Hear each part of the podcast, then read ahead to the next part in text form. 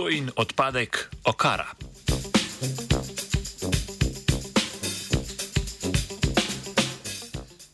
O pridelavi sojnih izdelkov, kot sta sojno mleko in tofu, se vsako leto pridela na milijone ton odpadnega produkta, imenovanega okara. Znanstveniki in znanstvenice z univerze NTU v Singapurju ter univerze Waseda na Japonskem so v reviji Metabolites opisali potencijalno uporabo, uporabno vrednost okare. Ta fermentirani sojni odpadek je namreč kot dodatek v prehrani miši izboljšal presnovo maščob in ublažil posledice visokokalorične prehrane.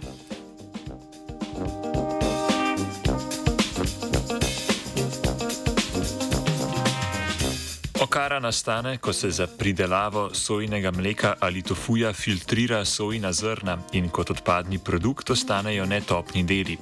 V teh pa ostane velika količina vitaminov in mineralov, predstavljajo pa tudi dober vir vlaknin. Svojo raziskavo je znanstvena skupina začela s poskusom izboljšave prehranskega profila okare, saj bi bila tako bolj privlačna za pogostejšo vključitev v človeško prehrano.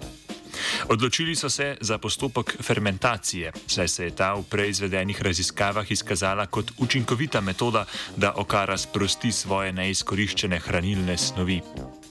Fermentacijo so izvedli s pomočjo dodatka mešanice dveh različnih sevov, plesni aspergillus, in jo pustili fermentirati v temi pri 25 stopinjah Celzija 4 dni.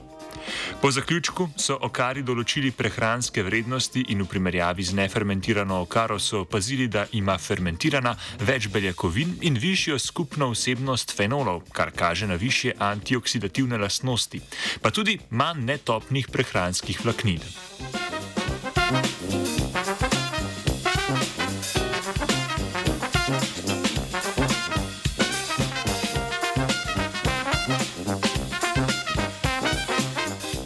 Naslednji korak v raziskavi je bil preveriti funkcionalnost in učinke dodajanja fermentirane okare v prehrano.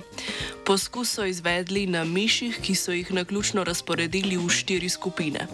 Prvo skupino miši so tri tedne hranili z običajno prehrano, drugo z visokokalorično prehrano, tretjo z visokokalorično prehrano z dodatkom nefermentirane okare, četrto pa z visokokalorično prehrano z dodatkom fermentirane okare.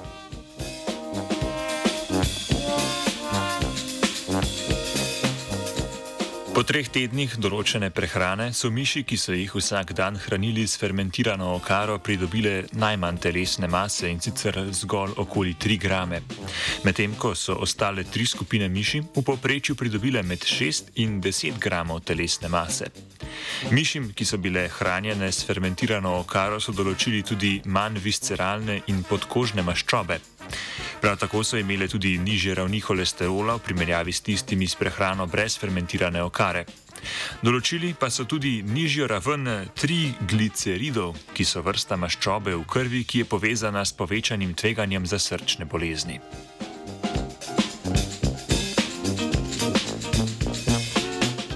Te ugotovitve kažejo, da bi potencialno ta soj in fermentirani odpadek, ki je sicer že popularen v azijski kuhinji, lahko po dodatnih raziskavah pripomogel kot pomemben dodatek v dieti ljudi s prekomerno težo.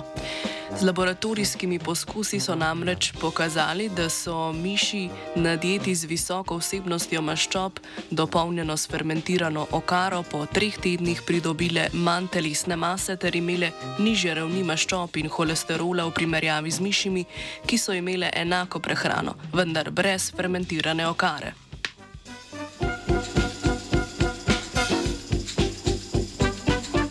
Okaro si želi poskusiti Iza.